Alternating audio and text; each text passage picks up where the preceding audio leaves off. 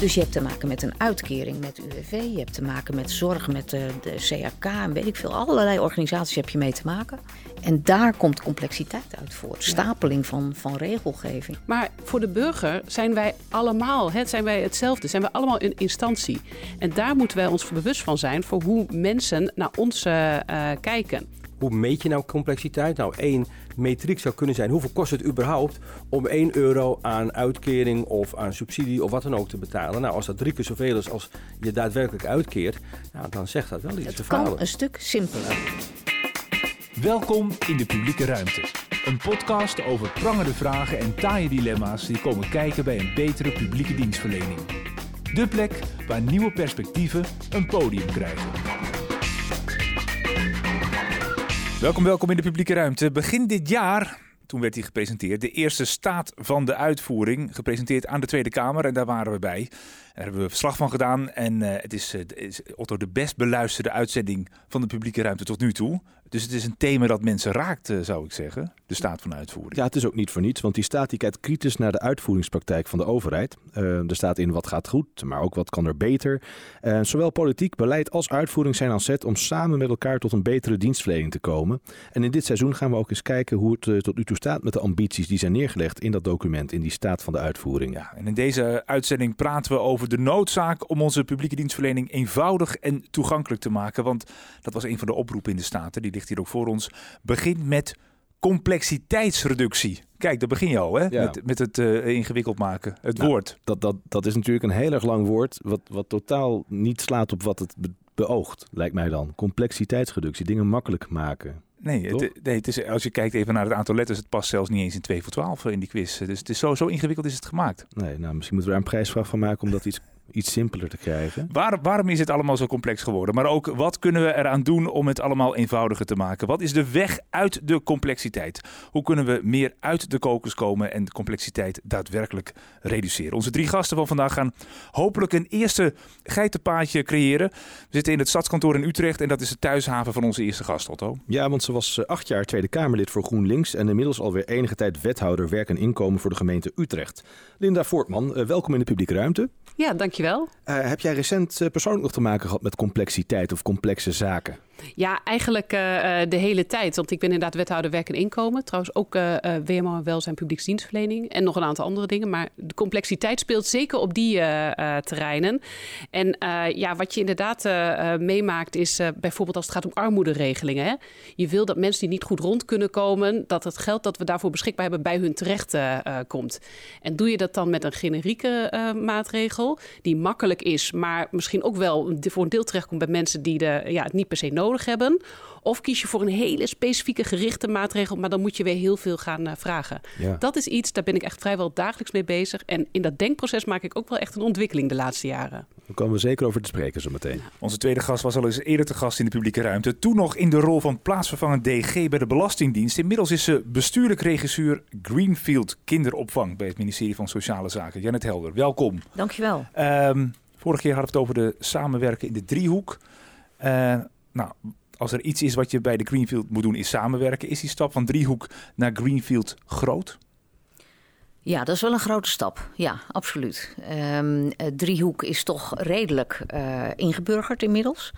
Een greenfield waarbij je met beleid en uitvoering samen iets tot stand probeert te brengen, dat is echt wel nieuw. Complex. En ik zou bijna zeggen complex. Ja. ja. Oké, okay, en onze derde gast dat is uh, een, een CFO. En dat betekent in dit geval Chief Failure Officer. Hij uh, is onder andere verbonden aan het Instituut voor Briljante Mislukkingen. Paul Iske, van harte welkom. Um, als we op de site lezen, dan staat er het Instituut voor Briljante Mislukkingen omarmt de mislukking als een belangrijk leermoment en probeert de samenleving in dat opzicht uit te dagen door het faciliteren en toegankelijk maken van leerervaringen.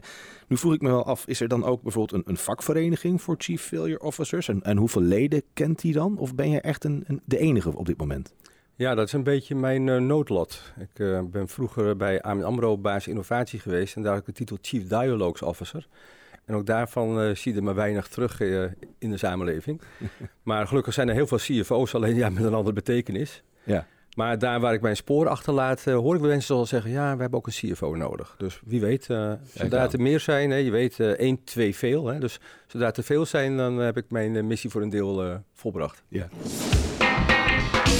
Complexiteit, daar gaan we het over hebben. En uh, nou is natuurlijk even de vraag van wat is nou eigenlijk complex? Wat bedoelen we eigenlijk met dat uh, begrip? Paul, heb je daar uh, een, een, beeld bij? Ja. ja, ik wil trouwens wel even iets zeggen, want het, het, in de staat van uitvoering wordt heel veel over complexiteit gesproken. en er wordt ook steeds gezegd, ja, we moeten de complexiteit reduceren. Um, en ja, dat is waar, maar het is ook niet helemaal waar. kijk dan bijvoorbeeld naar iets als een, een mobiele telefoon. dat kan je verzekeren, dat is een heel complex ding. Maar dat wil niet zeggen dat het onhandelbaar is. Dus complexiteit is ook niet volledig uitroeibaar. Het, is, het gaat erom hoe ga je ermee om. En uh, Einstein heeft ooit gezegd: we moeten dingen zo simpel mogelijk maken, maar niet simpeler dan dat. En het gaat om de afstand tot het Einstein-punt. Want je kunt dingen ook oververeenvoudigen en dan kom je met oplossingen die in de praktijk totaal niks, ja, niks werken. denk bijvoorbeeld aan uh, de Europese Unie. Nou, er zijn een paar mensen geweest aan de andere kant van het kanaal die roepen: Nou, uh, wij vinden het erg complex, we snappen het niet, we houden er niet van. We gaan er vanuit en dan zijn van alle problemen verlost. Nou, dat bleek in de praktijk toch anders. Dus uh, ja, ik, ik, vraag toch ook wel enig begrip voor complexiteit en ook voor de overheid. Ik ben niet van de overheid. Maar de overheid is wel altijd uh, aan de beurt als het over moeilijke dingen gaat. Dan zeggen de burgers altijd, ja, dat is iets voor de overheid. En vervolgens loopt de overheid soms ook tegen problemen aan in die complexe wereld. En dan zeggen ze, ja, die, overheid kan niks. Dus ja, dat vind ik, daar, daar heb ik wel mijn mening over. Maar als het gaat over wat is complexiteit, dan moeten we echt onderscheid maken tussen dingen die gecompliceerd zijn, ingewikkeld, moeilijk, en dingen die complex zijn. En complex is niet eens altijd erg ingewikkeld, maar dat treedt op wanneer veel partijen, veel dingen met elkaar te maken krijgen, met elkaar interactie hebben, samenwerken. En ja, jullie noemen het al, hè, je had het over de politiek, het beleid en de uitvoering. Nou, vergeet ook de ontvanger van al dat moois niet, hè, de burger, de, de bedrijven. Dat samenspel daar zit die complexiteit in. Daar ontstaan dingen die je, als je los naar de verschillende componenten kijkt, niet kunt voorspellen. Dus juist dat onvoorspelbare gedrag, dat onzekere gedrag, dat is een kerneigenschap van complexiteit. Nou, Linda, als je, hoe, hoe beluister jij dit? Ja, ik uh, ben het daar wel mee, uh, mee eens. En dat je ook, uh, ja, ook duidelijk moet maken naar de mensen voor wie je het doet. Ook waarom iets soms ingewikkeld uh, is. Want ik denk dat dat nog wel eens uh, mist. Ik zal ook zeker niet zondevrij hierin uh, zijn. Maar dat we ja, het soms ook doen voorkomen alsof iets heel simpel is. Hè, of dat gaan we voor u regelen. En dan blijkt het vervolgens ingewikkelder te zijn. En dan krijg je dus dat mensen teleurgesteld zijn. Dus ja, ik kan me hier wel voor een groot deel in vinden. Ja. Dus complexiteit is een beetje ook inherent aan die overheid. Uh, Janet, jij hebt bij heel veel verschillende overheden gewerkt. Uh, merk je dan ook dat er uh, verschillend op gereageerd wordt? Hè? Of je nou bij de Belastingdienst zit of bij een UWV of dan nu weer bij een ministerie Sociale Zaken. Is, is de beleving van complexiteit hè, of, of gecompliceerde zaken, is dat nou ook anders per organisatie? Zit er een cultuuraspect in hoe we hierop reageren? Ja, dat denk ik wel. Ik, um, ik kan me trouwens helemaal vinden in de uitleg die Paul geeft. En ik snap heel goed wat Linda zegt. Ik wil er graag nog iets aan toevoegen. Um, als je mij nou vraagt, hè, net heb je te maken met complexe wet en regelgeving, dan zeg ik direct nee. Uh, en dat zal voor jullie ook gelden. Wij ja. zitten in de gelukkige positie dat we daar niets mee te maken hebben. Sterker nog, ik roep altijd toen ik bij de Belastingdienst werkte: ik wil ze als burger zo min mogelijk met jullie te maken hebben. Of met ons te maken hebben. En dus het idee van de overheid regelt dingen die die moeten regelen, dat zouden we met z'n allen nog veel meer kunnen doen. Maar de 14, 15 procent burgers in Nederland, inwoners zeg je in een gemeente, uh, die wel heel erg nodig hebben dat de overheid ze ondersteunt op allerlei terreinen, die hebben te maken met, en eerlijk gezegd maakt het mij niet uit hoe je het noemt, stapeling wordt in de staat van de uitvoering gezegd, hè, dat is vaak waar het over gaat. Die hebben te maken met problemen op verschillende terreinen van het leven. Daar zijn verschillende departementen voor. En de gemeente is eigenlijk de enige instantie die een beetje over alles gaat. Mm -hmm. hè, dus een soort integraliteit. Ja. Die heb je op rijksniveau niet. Dus je hebt te maken met een uitkering met UWV. Je hebt te maken met zorg met de, de CAK en weet ik veel. Allerlei organisaties heb je mee te maken. En daar komt complexiteit uit voort. Stapeling van, van regelgeving. Ja, en niet denkend vanuit de burger of de inwoner, wat heeft die nodig, maar vanuit de wet en regelgeving. Er zit ook heel erg de suggestie achter dat mensen allemaal losse problemen hebben. Terwijl het juist heel vaak met elkaar te maken heeft. Als je uh, ja, uh, schulden hebt of financiële zorgen, dan heeft dat effect op, op je gezondheid, op uh, je mogelijkheid om aan het werk te komen. Misschien ook wel op hoe je met je kinderen omgaat. Ja. Dus, en dan krijg je inderdaad die stapeling. En ja, dat, dat verband daartussen zien, dat is heel erg belangrijk. Ja. Maar, maar, maar, maar, toch, maar waarom je... lukt het dan wel bijvoorbeeld bij een, een, een telefoonfabrikant? Want die kan al die complexe dingen bij elkaar brengen, daar appjes van maken en dan wordt het heel overzichtelijk en snapt iedereen in één keer dat hele complexe verhaal. Hoe kan het nou dat, dat het, hebben die een andere... Omdat hij ook verantwoordelijk is voor het totaalresultaat. en hier heb je partijen die allemaal verantwoordelijk zijn voor hun eigen deel van het verhaal. En, en die, die, die, die, verantwoordelijkheid is dus gesplitst. En zo probeert iedereen vanuit zijn of haar verantwoordelijkheid het beste te doen. En daar twijfel ik helemaal niet aan. Maar de vraag is, en jij noemde bijvoorbeeld al de gemeente, die misschien een soort van overkoepelend beeld of verantwoordelijkheid zou kunnen voelen. Daar zouden er veel meer van moeten zijn. Ik doe er nog even een schepje bovenop. En dan komen we zo meteen wel even terug op de wat positieve kant, hè, wat er allemaal goed gaat. Want dat vind ik ook altijd wel belangrijk. Um, ik blijf maar denken, hè, ik vind het belangrijk om te snappen waarom het voor burgers af en toe buitengewoon ingewikkeld is en af en toe ook schrijnend, uh, mag ik wel zeggen. Dan eventjes naar één voorbeeld, want ik ben het met je eens, Paul. Het zit ook in de samenwerking, het zit in, in uh, uh, domeinen zijn afgebakend. Maar het sociaal domein, daar weet Linda mm natuurlijk veel meer van dan ik. Maar als ik even kijk naar de uh, Rijkswet en regelgeving, om het zo maar even te zeggen. Dan zijn er op het terrein van het sociaal domein regelingen die niet meer aan burgers uit te leggen zijn. het, de manier waarop je bij arbeidsongeschiktheid uh, een uitkering berekent via. Dat is gewoon, ja, er zit een onlogica in, zeg ik maar even oneerbiedig. En bovendien, het heeft ook helemaal niets met arbeidsongeschiktheid te maken, maar met inkomen. Um, dat, zijn, dat, dat heeft niks te maken met complexiteit. Of misschien noemen we dat complexiteit. Dat is ingewikkeld. Maar het heeft heel erg. Ja. het is ingewikkeld, maar het is ook onlogisch. En het effect is dat burgers het niet snappen. Dat zelfs medewerkers van UWV het af en toe moeilijk uit te leggen vinden. Ja. Maar is dat ook niet voor een deel moedwillig en opzettelijk? Hè? Want als overheid moeten we zorgvuldig handelen.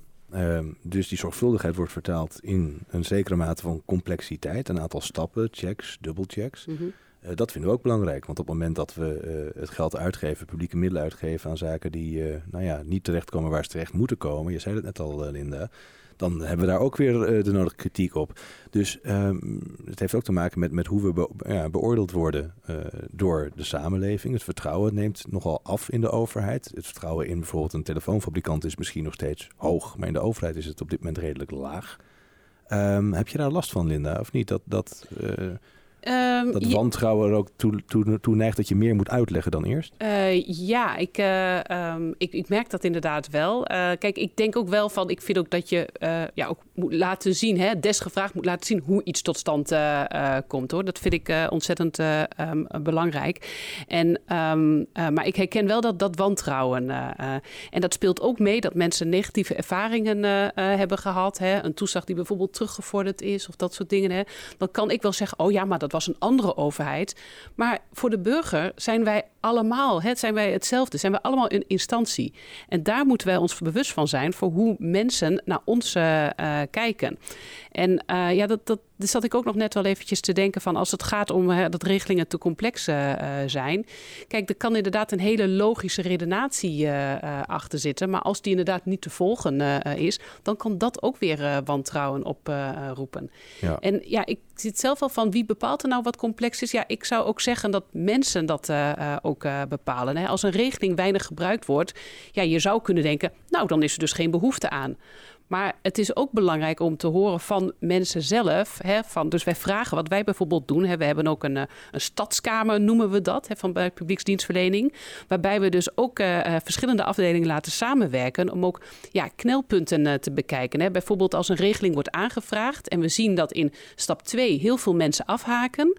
Nou, dan gaan we kijken waar ligt dat nou aan. En we nemen ook contact op met, met mensen. Van goh, hè, u heeft eerder aangevraagd. Hè, wat is uw ervaring hiermee?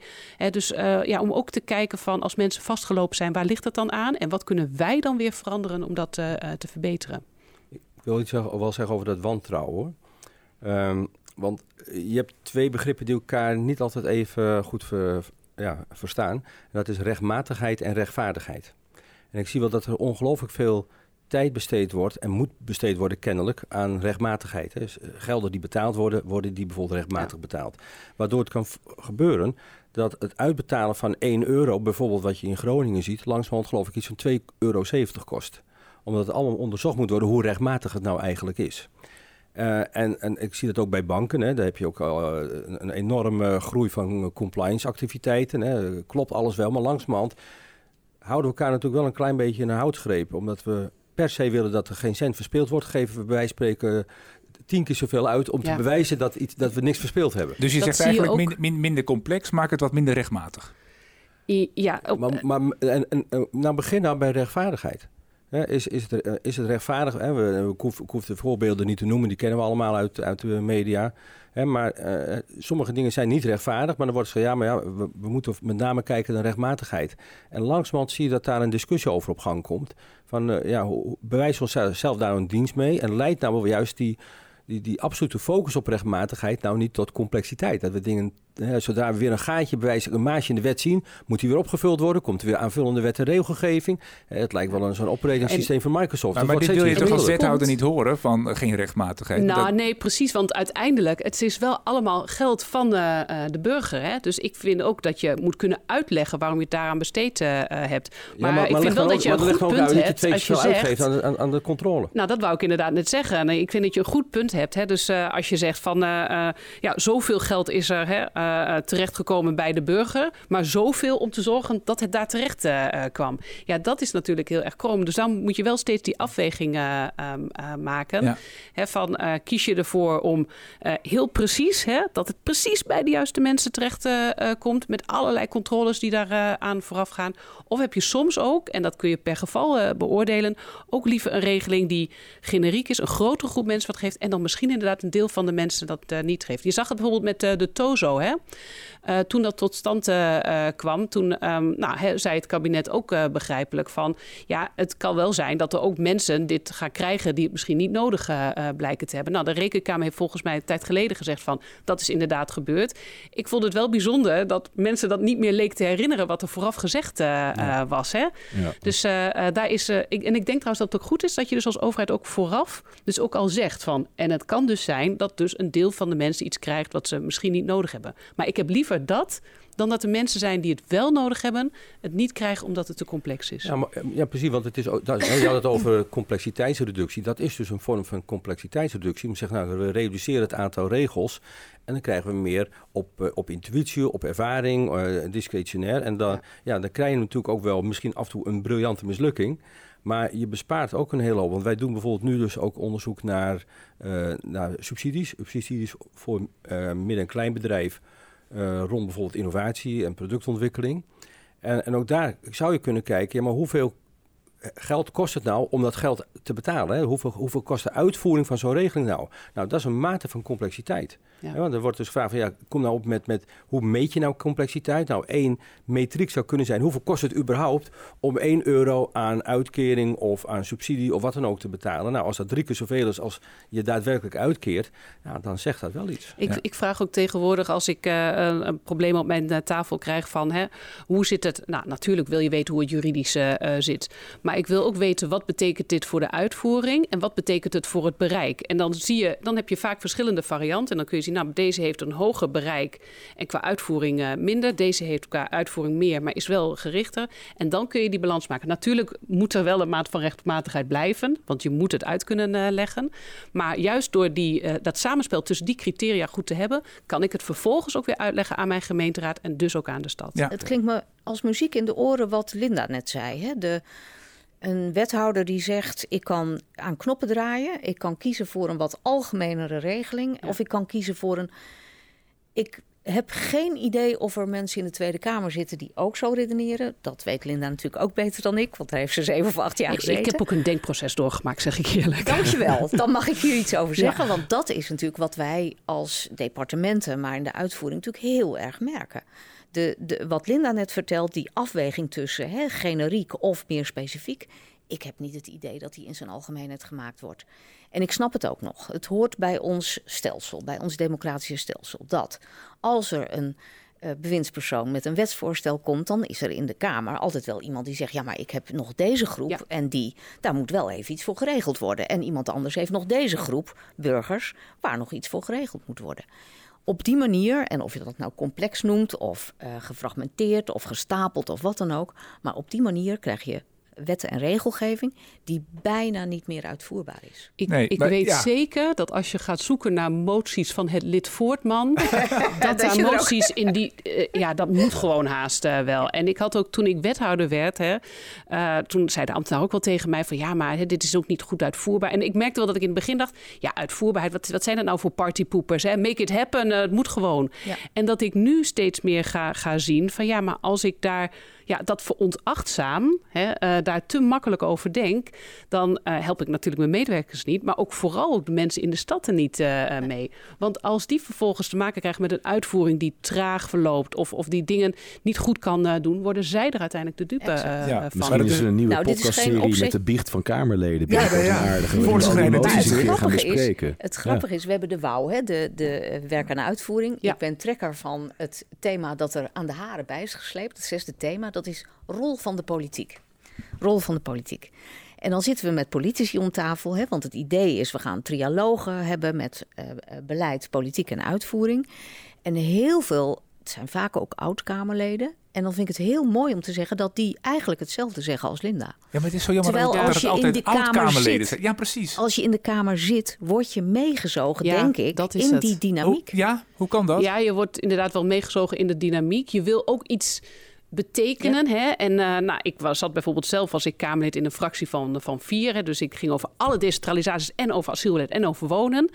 En dan is het soms ook, eh, dan, eh, dus dan wist ik al van, ik kan geen grote veranderingen doen. Maar als ik iets voor een specifieke groep kan bereiken, heb ik toch iets gedaan. Dus dan ging je inderdaad op hele specifieke dingetjes zitten. Maar bel je niet een keer Om- met de fractie dat je van GroenLinks in de Kamer dat je zegt, doe nou minder, doe minder, doe minder. Zeker, zeker. En soms luisteren ze ook wel. Ehm, eh, maar dat, eh, dat doe ik inderdaad wel. Maar ik probeer het ook vooral vanuit het perspectief van die mensen aan te geven. Want ik snap ook heel goed dat Kamerlid dat iets wil betekenen. Eh, ja, want je- het is inderdaad precies wat jij aangeeft. Hè, dat er toch altijd wel weer een andere groep bij je komt. En, en, en die is natuurlijk ook weer belangrijk. Maar help je die hiermee of wek je ook vooral verwachtingen die uiteindelijk niet waar te maken zijn, waardoor de teleurstelling toeneemt en het vertrouwen weer eh, eh, afneemt? Maar minder complexiteit betekent dus eigenlijk gewoon veel beter uitleggen. Veel beter eh, aangeven, jongens, het kan ook mislukken of het kan, er zit soms een randje aan. Precies. Nou, minder En- complexiteit betekent, sorry dat ik je onderbreek, ook, ehm, en daar zit ook nog wel een, een, een ingewikkeld punt. Ehm, ik heb altijd gedacht, je moet generieke wet en regelgeving maken. En je moet zorgen dat professionals de verdere invulling kunnen doen, zeg ik even heel eh, eh, gezellig, Ehm, huiselijk. Ehm, tegelijkertijd merk ik ook in de uitvoeringsorganisaties dat mensen zeggen: ja, het is allemaal goed en wel. Maar als je dingen aan mij overlaat, dan heb ik dus de verantwoordelijkheid om te bepalen of mevrouw A dit wel krijgt en meneer B dit niet. Ja. Ehm, ik weet niet of ik die verantwoordelijkheid wel wil. En daar hebben medewerkers natuurlijk echt een punt. Ja. Op het moment dat je generieke wet en regelgeving maakt en zegt professionaliteit, hè, ambtelijke professionaliteit, jij moet beslissen. Dat kan nog wel eens heel Ja, ingewikkeld dat is zijn. een heel goed punt. Wij hebben ook eh, eh, onderzoek gedaan samen met de gemeentes eh, Amsterdam en Almere naar nou, hè, wat wij ook, ook als het gaat om de kinderopvangtoeslag, werden ook hè, wat wij daarvan kunnen leren. En daarin was precies dit het punt ook. Dat ook mensen aangaven het ook moeilijk te vinden wanneer mogen ze nou maatwerk toepassen. Want er wordt heel vaak door politici en, gezegd van ja, hè, mijn medewerkers moeten gewoon de ruimte voelen om. Nou, dat begint al met een wet maken waarin die ruimte ook eh, eh, is. Maar mensen moeten niet het gevoel hebben, het wordt nu over de schutting gekieperd. Dus, eh, en ook, ze moeten ook wel de zekerheid hebben dat ja, je hun dan ook steunt vervolgens. en dat is wel, ik, ik vind bijvoorbeeld bij zo'n kinderopvangtoeslagaffaire, ja, daar zijn zeker dingen fout gegaan. Maar tegelijkertijd, als je dan de schuld helemaal aan de uitvoering geeft, ja, dat vind ik ook niet goed. Dan moet je ook naar jezelf kijken van wat voor omstandigheden hebben wij gecreëerd waarin dit is gebeurd.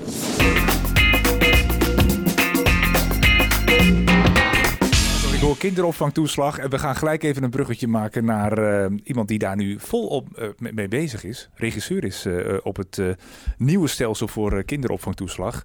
Janet, Ehm, want we hadden het net over, het is complex, het ligt niet aan één, één zaak alleen. Ehm, in de staat van de uitvoering staat ook al een richting om het minder complex te maken. Niet de wet, de regeling of de organisatie is het uitgangspunt.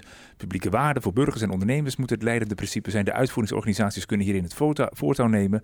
En die ontwikkeling is gaande. UWV, SVB, DUO en Toeslagen denken samen na hoe ze het nieuwe stelsel voor kinderopvangtoeslag zouden kunnen gaan vormgeven. Hoe het eruit moet komen te zien. Ehm, jij bent regisseur uh, daarvan. Is dat, is dat een, een mooi begin om het minder complex te maken... door gelijk aan de voorkant met al die partijen om tafel te gaan zitten? Ja, ja, dat is het zeker. Um, misschien direct even vooraf. Hè. We hebben te maken met drie verschillende uh, uh, sporen, zou ik bijna zeggen. Hè. Je hebt uh, de, de diensttoeslagen, die toeslagen regelt. Je hebt een, een, een club die voor het herstel zorgt, hersteltoeslagen. Dat gaat over de kinderopvangtoeslagaffaire. Um, en je hebt een club die zich bezighoudt met een nieuwe financiering van het kinderopvangstelsel. Um, en dat laatste is waar ik iets in doe. Um, en daarvan is in het regeerakkoord gezegd: we gaan het gewoon echt heel anders doen. We willen af van die, van die toeslag en we moeten een mooi stelsel hebben dat toegankelijk is en eenvoudig. eenvoudig. Um, goed betaalbaar en uh, wat ook nog goed is voor de ontwikkeling van kinderen. Dat is zo in huiselijke taal wat er in het regeerakkoord staat. Um, dat is nog niet zo makkelijk. Uh, dus een, een, enorme omslag. Hè? Dat betekent iets voor de totale sector. Dat betekent iets voor het beleid. Dat betekent iets voor de uitvoering. En um, er is vanaf het begin af aan met vier uitvoerders, dus SC2, het departement beleid, met vier uitvoerders en de sector gekeken naar hoe zouden we dit kunnen doen. Um, en ik vind het eigenlijk een schoolvoorbeeld van hoe we beleid zouden moeten maken. Hè? Want ik, ik vind eigenlijk dat je, als het gaat om beleid, vanaf moment één met elkaar aan tafel moet gaan. Dus niet eerst beleid maken en dan de uitvoering erbij betrekken. Um, dus daarmee ook echt ontkokeren. Dus exact. Ja. ja. Ja, dus vanaf het begin af aan, politiek beleid en uitvoering zouden eigenlijk gedrieën om tafel moeten. Um, en als politicus zou je bij amendementen bijvoorbeeld ook gewoon een uitvoeringsorganisatie moeten bellen en zeggen: joh, ik wil dit gaan uh, beweren, maar uh, denk je dat het een beetje uitvoerbaar is? Zo huiselijk zal het allemaal wel niet worden, maar zoiets zou wel moeten kunnen. Die kant gaan we ook Ik weet ook niet of ze met je willen praten hoor, uh, die uitvoeringsorganisaties. Waarom niet? Nou, ik, ik weet, uh, mijn, mijn, ervaring, ja, ik had wel soms wel uh, uitvoeringsorganisaties die op bezoek uh, kwamen, maar net zoals bijvoorbeeld ambtelijke informatie opvragen als Kamerlid, is dat volgens mij ook niet zo makkelijk bij die uitvoeringsorganisaties. Nee. Dus, dat klopt. Ja. Dat klopt helemaal. En daarom moet daar natuurlijk weer iets voor ingericht worden. Mm -hmm. Dat zijn we aan het doen. Okay. Namelijk gewoon een proces voor als er een amendement ja. is, dat er een uitvoeringsorganisatie bij betrokken is. Oh, heel goed. Dus dat gaat, uh, het is nog niet zo, maar we zijn echt goed op weg. Dus daar heb ik heel veel uh, vertrouwen in. En daarnaast denk ik dat we heel erg geholpen zijn als het wat natuurlijker wordt, beleid, politiek en uitvoering, om met elkaar te overleggen. Ja. Want ja. precies wat Linda zegt, ja. er is natuurlijk Oekase Kok geweest. Hè? En sommige, ik hoor mensen binnen de Rijksoverheid zeggen, nog steeds zeggen dat de Oekase Kok bestaat. Volgens mij is hij overboord gegooid. De Raad van State heeft ook gezegd, moet je niet meer doen. Want dat was ambtenaren hebben geen contact met politici. Hè? Dat was gewoon een, een, regel. Nou, volgens mij zijn we daar lang en breed voorbij. Ik was trouwens iets heel anders aan het vertellen. Nou, het ging over, over de Greenfield. Over Greenfield. Ja, nou ja, wat ik me wel afvroeg, uh, want jij bent nu regisseur. Ze zijn al even bezig hè, met, dat, uh, ja. met de Greenfield. Uh, eigenlijk hebben ze nu wat meer tijd, krijgen ze in ieder geval. wordt aangegeven van de, de, die, die, die toeslag of die, die, die, die andere inrichting die, die, tillen we, dat, gratis of bijna gratis kinderopvang stellen we nog even uit. Dus er is iets, misschien wel iets meer tijd ook om het te doen, toch, Janet? Nou, eerlijk gezegd niet. Um, het is natuurlijk twee jaar uitstel, dat klopt. Um, maar het wetsvoorstel moet nog steeds voor zomer 24 naar de Kamer. Nou, als je binnen de Rijksoverheid een tijdje rondloopt, dan weet je dat er van alles aan de hand is voordat je zo'n wetsvoorstel in de Kamer hebt. Hè, met onderraden en weet ik veel wat allemaal. Um, dus om kort te gaan, uh, we zijn loeihard aan het werk om dat wetsvoorstel ja. voor elkaar te ja. krijgen. En nou zat er geen regisseur op en je had al die partijen bij elkaar. En blijkbaar is het dan toch nodig om er nog een persoon bij te zetten die het even in goede banen leidt. Is het, zo, is het om de, vanwege de nieuwigheid dan toch lastig om daar zo samen in te gaan werken? Ik bekijk het van de positieve kant. Ik, uh, ik, zeg, ik heb het net gezegd, ik zeg het nog maar een keer. Dit is een van de weinige voorbeelden waarbij vanaf het begin vanaf het moment dat je beleid gaat maken, de uitvoering betrokken is. Je gezamenlijk om tafel zit. Ja. Ook gelijkwaardig? Heel goed, ja. Hoe gelijkwaardig? Vind ik een gewetensvraag. Het is, laat ik het netjes formuleren, het is ingewikkeld. We hebben te maken met vier uitvoeringsorganisaties, die natuurlijk alle vier een uitstekende staat van dienst hebben. Ook wel hun eigen domein hebben. Dus elkaar begrijpen is niet vanaf minuut één aan de orde. Daar moet je echt energie in steken. We hebben beleid bij SZW.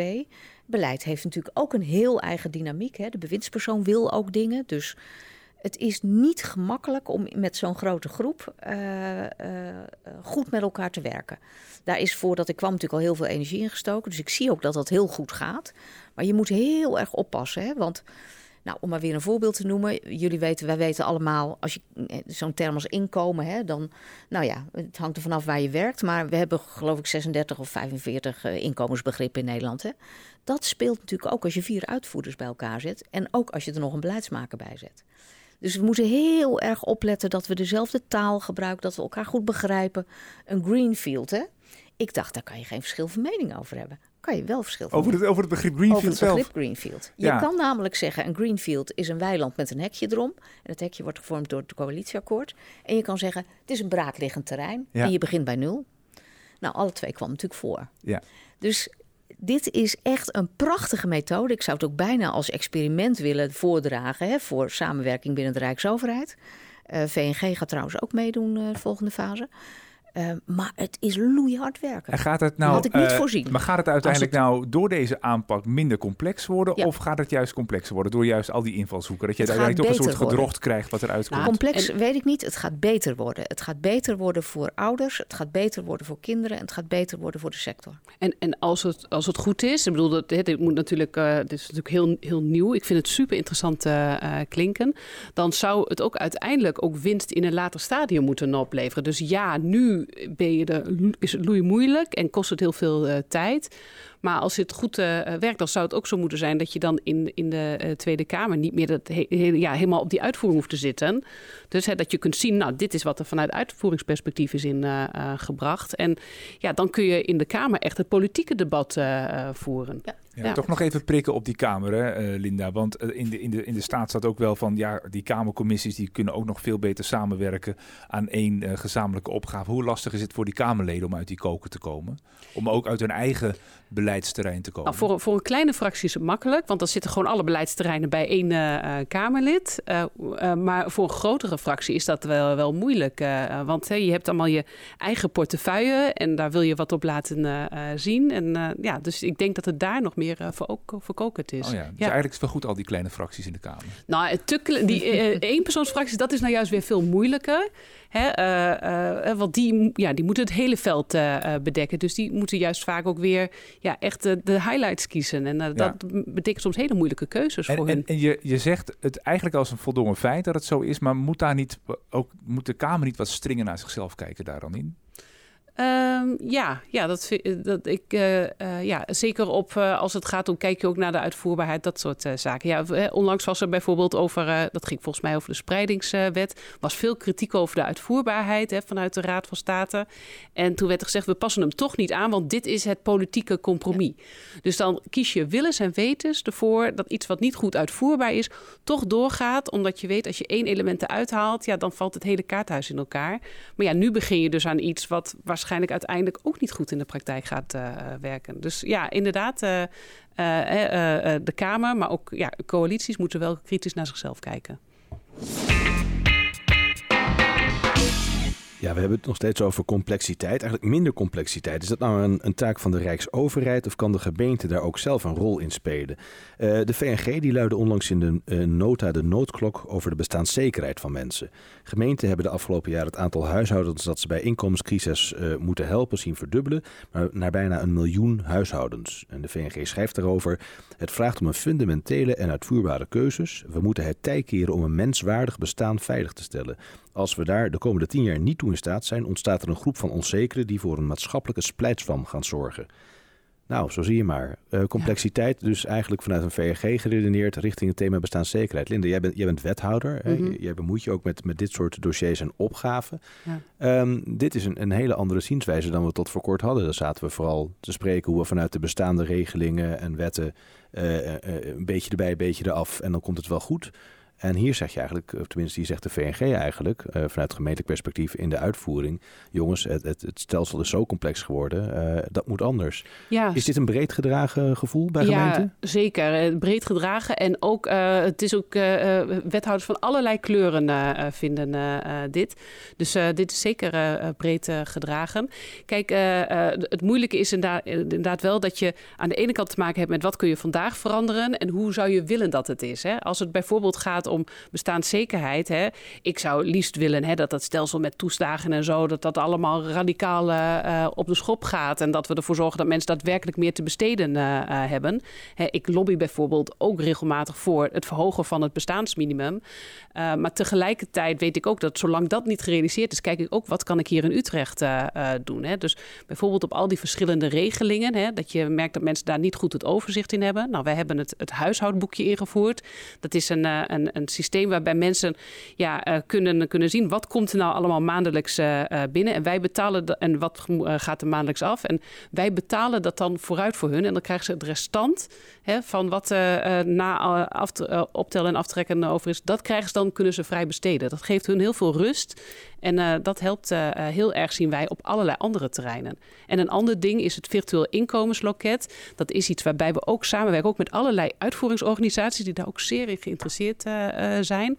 Is dat we ook ja, het mogelijk willen maken dat mensen in één oogopslag kunnen zien waar ze recht op hebben. Hè, het mooiste zou natuurlijk zijn, niet al die verschillende potjes, maar ja, ik weet ook dat dat niet uh, heel snel te realiseren is. En dat we nooit helemaal van alle potjes af zullen komen. Dus dan is zoiets ja, toch ook iets om uh, mensen te helpen. Om in ieder geval wel ja, te krijgen waar ze recht op uh, hebben. Precies. En nu weet ik uit een onderzoek van de Hogeschool Utrecht. Die zeggen als het gaat om, om dienstverlening. Mensen hebben ook enorm behoefte om autonoom te kunnen handelen. Het zelf te kunnen doen. Ja. En ik hoor je al zeggen met zo'n huishoudboekje. Daar, daar grijp je eigenlijk een beetje in bij de groep die zegt. Ja, maar dat is te ingewikkeld geworden. Ik kan dat niet. Doe het maar voor mij. Um, is dat niet het, uh, ja, de, het, paard achter de wagen spannen, zeg maar? Ja, het is sowieso, moeten mensen het zelf uh, willen. Dus dat staat natuurlijk buiten kijf. Um, en het zijn verschillende groepen waarvoor dit, dit geschikt kan zijn. Hè. Er zijn mensen, ik heb bijvoorbeeld ook wel met mensen gesproken... die nu gebruik maken van een huishoudboekje... waarvan je weet, ja, die hebben al zo vaak problemen gehad... Hè, in de schulden, dan weer uit, weer in. En daar is dit denk ik iets voor, nou, voor de lange termijn. Maar er zijn ook mensen die het nodig hebben om ja, hè, nadat ze uit de schuldentrajecten uh, zijn gekomen, toch ja, nog eventjes die laatste stap nodig hebben. Maar denk ook bijvoorbeeld aan statushouders. Hè, mensen die hier komen uh, in een heel ander soort samenleving. Hè, in in, Syrië en Eritrea, daar kennen ze dat systeem met al die toeslagen helemaal uh, niet. Hè? Dus hun kan het ook helpen om ja, zelfstandig te worden. Dus volgens mij moet je echt kijken naar de verschillende uh, groepen. Het liefst wil je dat je mensen helpt om zelfstandig uh, te worden. En waar dat ja, soms niet, niet, mogelijk is dat dat überhaupt zo is, dan moet je mensen ook blijven helpen. Ja. En, en zo'n signaal, hè, Paul, wat, wat dan nu vanuit een VNG-commissie wordt gegeven van goh, het is veel te complex geworden. Hè? Het ja. bestaansminimum is te laag, waardoor al die extra regelingen nodig zijn om überhaupt hè, tot een, een, leefbaar geheel te komen. Um, dat vergt ook een zekere mate van moed om, om dat ter discussie te stellen. Uh, als je dat bekijkt hè, vanuit, vanuit een soort chief failure officer, ja. um, uh, waar zie je dit soort dingen dan bijvoorbeeld vaker ontstaan? En gaat dit altijd goed? Of, of en als het niet nee. goed gaat, natuurlijk wil ik ook weten, wat gaat er dan mis? Nee, kijk, uh, twee, twee dingen. Even nog terugkomen op de, wat er net gezegd werd door Linda. Um, ik vind het helemaal geen, geen issue dat mensen voor een deel ontzorgd worden. Het is net al het voorbeeld dat ik al aangaf over bijvoorbeeld die telefoon. Uh, dat het ding ingewikkeld is van de, uh, aan de binnenkant, daar hoef ik niet mee geconfronteerd te worden. En als dit die mensen helpt om uiteindelijk wel zelfstandig te kunnen zijn, ja. dan maakt het toch helemaal niet uit dat er een dienst gemaakt wordt. Uh, wat, waar hun werk eigenlijk wordt overgenomen, of dat nou door de overheid of door een machine of door een computer is. Een doelheiligde middelen, zeg je eigenlijk. Kunnen, ja, maar het, het, is een perfect. Uh, het is ook helemaal niet negatief. Je, je, je kunt daarna gewoon uh, de beslissing. Het gaat erom, kunnen mensen de beslissingen nemen die ze moeten nemen? Nou, daar hebben ze dus nu een tool voor. Het is niks anders dan een tool die ze nu kunnen gebruiken. Ja. Dus dat, uh, ik ben daar gewoon heel positief over. Ik gebruik ook allerlei tools waarvan ik blij ben dat, dat ik uh, ontzorgd word. Uh, ik, ik, hoef ook niet overal over na te denken van hoe werkt dit nou ook weer? Hoe, hoe, hoe, zet ik dit knopje om? Als, als dat allemaal voor mij bedacht wordt en ik heb uiteindelijk, een, we noemen dat een user interface, waarbij ik alleen maar die dingen hoef aan te klikken die te maken hebben met de keuzes die ik wil maken. Nou, prima toch? de andere punt is, ja, al dit soort ontwikkelingen, ja, dat is toch een soort van innovatie. En of het nou technische innovatie, sociale innovatie, procesinnovatie, het is allemaal innovatie. Ja, en dan kom je toch wel een beetje op het terrein waar ik uh, natuurlijk, nou, ik zal niet zeggen de expert, maar wel op zijn minst een Wim. Hè. Wim staat voor weet iets meer. Het me toch wel vaak mee bezighoudt, is ja, als je wil vernieuwen, dan moet je ook accepteren dat af en toe dingen niet lukken. En ik hoop dat daar dan ook ruimte voor is. En dat geldt ook voor het verhaal van Janet. We gaan op een nieuwe manier samenwerken. En ik weet nu al dan ga je di tegen dingen aanlopen. En dat doen ze nu al, maar dat gaat, ik kan je voorspellen, gaat dan ook gebeuren. Ja. en daar hebben we ook allerlei onderliggende faalpatronen voor die ik vaak terug zie komen. Eén daarvan is bijvoorbeeld een brug van Honduras. Nou, daar zit een verhaal achter van een brug over een rivier. In Honduras uiteraard. Ooit door een orkaan uh, is dat gebied overstroomd geraakt. En toen het water zich eenmaal terugtrok, toen bleek de rivierbedding ineens 400 meter verderop te liggen. Waardoor die rivier niet meer over de rivier, maar naast de rivier ligt. Hm. Maar dat staat symbool voor dat problemen zich kunnen verplaatsen. En ik zie heel vaak, ook eh, juist bij dit soort processen, dat mensen een probleem oplossen. Maar terwijl ze dat aan het oplossen zijn, daardoor, of in ieder geval tegelijkertijd, een probleem op een andere plek ontstaat. Dat gaat hier ook gebeuren. Dan denk je dat je een probleem opgelost hebt, maar dan vind je ineens ergens anders een probleem. Dat is één voorbeeld. Een ander voorbeeld, en daar werken zij dus nu erg aan, is uh, de lege plek aan tafel. Dat je iets voor partijen doet zonder die partijen echt te betrekken. En dan kom je met een resultaat en dan blijkt degene voor wie het bedoeld is uiteindelijk niet super enthousiast. Uh, we hebben een andere hersenhelft. Wij denken dat mensen net denken zoals wij. Dat als wij enthousiast zijn, dan zal het ander het ook wel zijn. Ik moet je teleurstellen, dat blijkt in de praktijk vaak niet zo te zijn. En zo kan ik doorgaan. En in de verhalen die ik hoor, ik hoor ze een beetje al mijn faalpatronen terug. Je hebt de junk. De junk is iemand die te lang doorgaat met iets, terwijl hij lang weet dat het eigenlijk niet, niet een goed idee is. En ik vraag wel eens aan partijen, goh, dat, dat project waar je aan werkte, dat was niet echt heel succesvol. Hè? Nee, nee, nee. Nee, je bent best wel lang doorgaan anders. Ja, ja waarom dan? Ja, ja, we hadden nog budget. Hè, uh, weet, er zijn allemaal mhm. redenen waarom mensen uiteindelijk toch niet met een goed resultaat komen of onderweg iets te leren hebben. Ja. En, ik, en ik, ik, nodig jullie ook uit, hè, zowel uh, aan de rechterkant van mij als de linkerkant van mij. In dit soort veranderingen, uh, dit, dit soort ja, sociale innovaties die jullie aan het doorvoeren zijn. ik wil graag met jullie meekijken en ook meeleren zodat je het uh, niet alleen nu beter doet, maar straks ook dit, uh, van de leerervaringen die je nu opdoet, profiteert. Want daarmee kun je het heleboel gaan versnellen. Misschien dan toch even terug naar, naar die systeemverandering. Want eigenlijk is zo'n zo'n uh, essay over bestaanszekerheid van gemeenten een oproep om echt het systeem zelf te veranderen. Dus niet ja. daarbinnen iets te doen. Um, die systeemverandering, Janet, gaat, dat, gaat dat vaak goed bij de overheid? Of is dat nou eigenlijk iets waar we wat minder goed in zijn? Hoe, hoe, hoe zie jij dat? Dat vind ik een hele moeilijke vraag. Um, maar ik wilde nog wel iets anders over zeggen. Hm. En dat mag helemaal niet als ambtenaar, maar ik mag dat hier natuurlijk gewoon aan tafel doen. Maar dat hele idee van waar we het de hele tijd over hebben met complexiteit en, en stapeling. En uh, nou, je kan het heel goed voor elkaar zien te krijgen door goed met elkaar samen te werken. Maar uiteindelijk hè, uh, gaat het toch niet werken of heb je ja. toch gefaald. Ik heb wel eens het idee, hè, als je minder aan burgers zou vragen en minder van burgers zou vragen, dat we met z'n allen een heel eind komen. Even heel plat, hè? Ik heb waarschijnlijk op, weet ik niet, ja, weet ik wel. Ik heb op allerlei dingen recht als burger. En ik moet overal aanvragen doen en gegevens leveren en nog een keer vertellen hoe het zit. Denk ik, waarom doen we dat in hemelsnaam? En ik, dan denk ik, ik heb iets belachelijks verzonnen, maar dat is helemaal niet zo. Want in België doen ze dat natuurlijk al. Je hebt de kruispuntbank en daar ja. heeft, de, alle burgers hebben daar hun informatie in zitten. En je vraagt één keer bij je eerste kind uh, kinderbijslag aan en voor de rest ontrolt zich dat vanzelf. Dat lijkt me nou zo ideaal. Dat je als burger dat je werkloos wordt en dat je dan niet 15 loketten langs hoeft omdat er op alle terreinen iets aan de hand is. Ja, maar dat is ook maar de overheid regelt het gewoon ja, maar voor we, je. Dat is ook omdat uh, we het allemaal willen verzekeren van dat de, de burger, die individuele burger, straks niet nog een keer aanklopt. Even als voorbeeld. Ik werk bij Duo, we hebben de aanvullende beurs. Daar, die wordt nu met een vinkje automatisch, krijgt iedereen, wordt die aangevraagd. Ja. Waarom deden we dat nou eigenlijk niet? Dat was omdat wij dan dachten van ja, die aanvullende beurs, dat is een prestatiebeurs en het bestaat het risico dat die mensen hem weer terug moeten betalen. En als we hem ja. nu standaard gaan toekennen, dan staan ze straks misschien wel met een extra studieschuld, omdat wij hem automatisch hebben aangevinkt. Ja. Nou, dat, dat denken, uh, je moet dan ook een beetje verantwoordelijkheid uh, zeggen van oké, okay, bij de burger neerleggen van oké, okay, weet ook waar je dan ja op zegt of weet, je, weet hoe je het uit kunt zetten. Maar dat is heel erg ingewikkeld. Dus we willen ook te veel risicomijdend dan misschien wel zijn. Ja, nou ja, en dan ja. komen we weer terug bij het gesprek over de rechtmatigheid en de rechtvaardigheid. Dat heeft er natuurlijk ook mee te maken. En over het angst om te falen. Het kan een stuk simpeler. Het ja. kan, dat kan een stuk simpeler. En dat betekent ook dat je waarschijnlijk minder mensen nodig hebt bij de overheid. En ik denk dat je dan niet meer driekwart van de burgers hebt die tevreden zijn, maar misschien wel 80, 90 procent van de burgers die zeggen, nou, de overheid doet het eigenlijk best ja. aardig. Maar is dit dan eigenlijk de samenvatting, of eigenlijk als je concluderend uh, iets uh, meer uh, rechtvaardigheid en iets minder rechtmatigheid. Is dat, is dat dan eigenlijk waar we naartoe moeten? Is dat ja, dan de oplossing naar minder complexiteit? Ja, maar daar is iets voor nodig. Een.